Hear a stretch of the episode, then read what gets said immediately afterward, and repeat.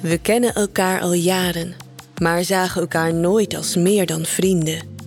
Ondanks dat we wel van elkaar wisten dat er aantrekking tussen ons zou kunnen zijn, als de situatie anders was geweest. In de tijd dat we elkaar leerden kennen, hadden we allebei een relatie die nog jaren zou duren. Tot we op ongeveer hetzelfde moment besloten om vrijgezel door het leven te gaan. Sindsdien werd het contact tussen ons meer en hechter. We appten of belden elkaar bijna elke dag en hadden het net iets te gezellig samen om zomaar vrienden te zijn. Toen je me op een middag appte of je die avond kon langskomen om bij te kletsen, had ik dus al wel een vermoeden wat er die avond zou kunnen gaan gebeuren. Ik wilde niet te veel hopen, dus ik besloot geen verwachtingen te hebben. Toch had ik snel een fles rosé koud gezet en stond ik voor mijn kast lingerie uit te zoeken, want je weet maar nooit.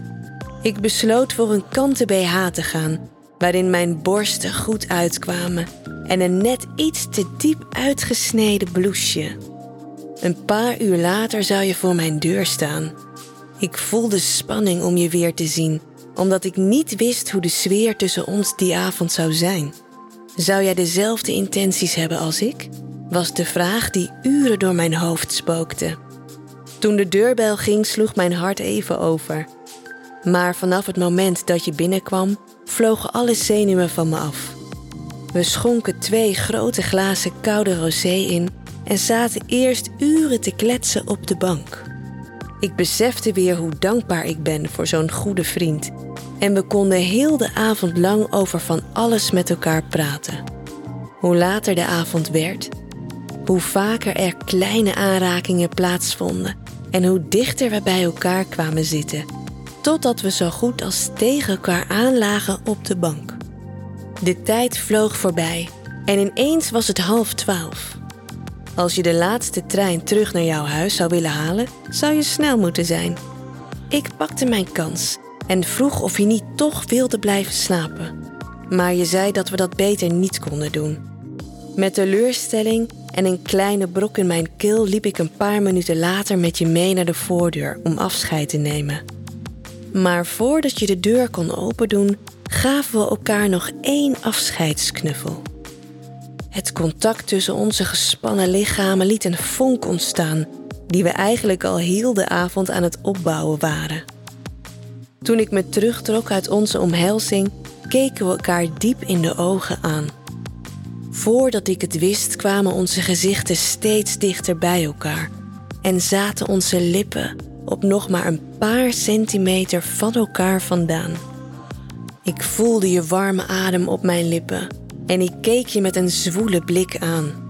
In mijn buik voelde ik kriebels van spanning en tegelijkertijd angst.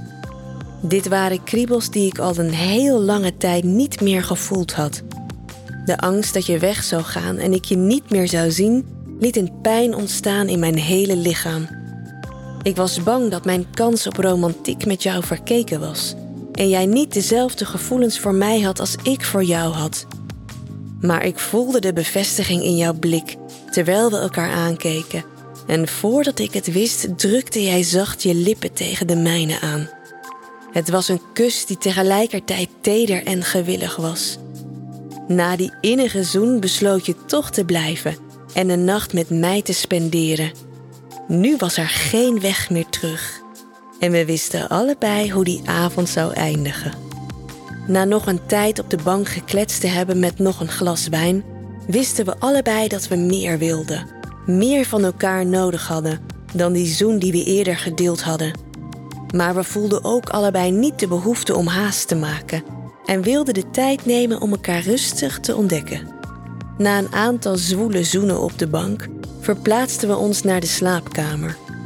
Je zoende me heerlijk, terwijl je bovenop me kroop en ik werd opgewonden van wat er tegen mijn dij aandrukte. Langzaam gingen we steeds een stapje verder. Jouw hand streelde langzaam over mijn rug en blote huid tot je mijn borsten vond en die langzaam begon te masseren. Je keek me aan en vroeg of ik hier echt oké mee was. Ik twijfelde even. De vriendschap en band die we al jaren hebben wilde ik niet verpesten. Maar ik wist dat op dat moment alles wat ik wilde jou was. Ik besloot in het moment te leven en ik begon je te zoenen, vanuit pure lust en passie. Je trok mijn shirt uit en begon mijn borsten te zoenen, zo hard dat het een beetje pijn deed. Je lippen vonden mijn stijve tepels en je begon ze zachtjes te likken en te bijten. Daarna gingen jouw handen en mond naar mijn nek, mijn buik en steeds verder naar beneden. Ik stond in vuur en vlam en het voelde als alles wat ik nodig had. De warmte en gewilligheid van jouw zachte lippen op mijn huid maakte dat ik meer en meer wilde. Ik trok jouw shirt uit en begon op mijn beurt ook jouw lichaam te verkennen en te zoenen. Ik beet zachtjes in je oor en je slaakte een zachte zucht, gevolgd door een geile kreun die mij gek maakte van verlangen. Eén voor één gingen onze kledingstukken uit, tot we bijna naakt tegen elkaar aanlagen. Ik keek nog eens diep in je ogen en vroeg of je zeker wist dat je dit wilde. Of je mij wilde. Het antwoord was zonder na te hoeven denken: ja. Ik trok de rest van je kleding uit en begon langzaam je pik te masseren. Eerst zacht, toen steeds harder. Je begon heerlijk te kreunen. Ik dacht maar aan één ding. Ik wil je proeven, likken, in me voelen. Ik wilde alles en ik wilde het snel. Ik begon je te pijpen en ik voelde je met heel je lichaam ervan genieten. Je pik werd nat en stond stijf omhoog, wachtend tot je in me mocht komen. Maar jij had geen haast. Je wilde mijn lijf verkennen en trok mijn inmiddels natte slipje uit. Je begon met te strelen, zoenen, proeven, steeds harder en dominanter.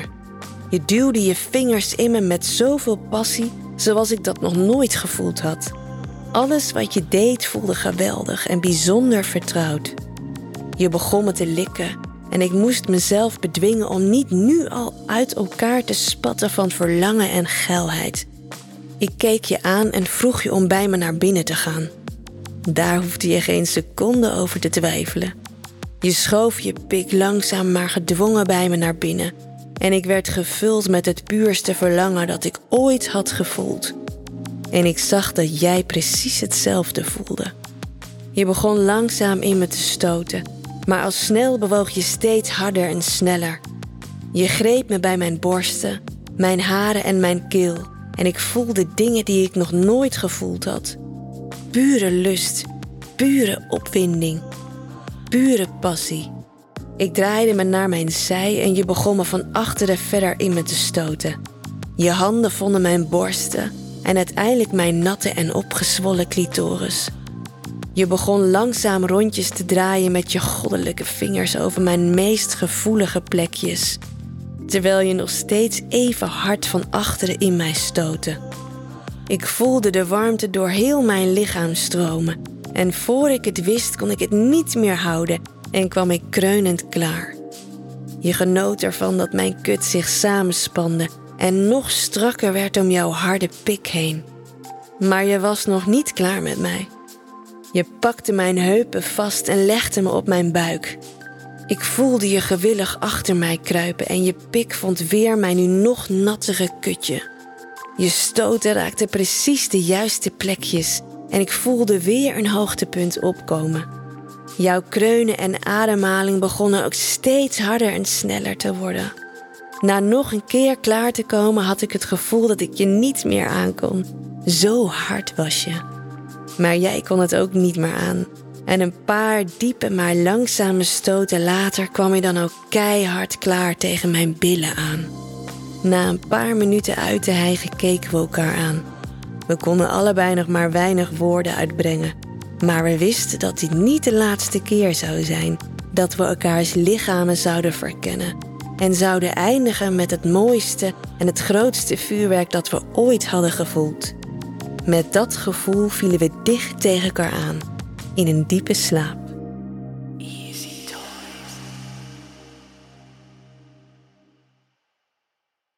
Wil jij nou meer spannende verhalen? Luister dan naar Charlie's Avonturen, een podcast van Easy Toys.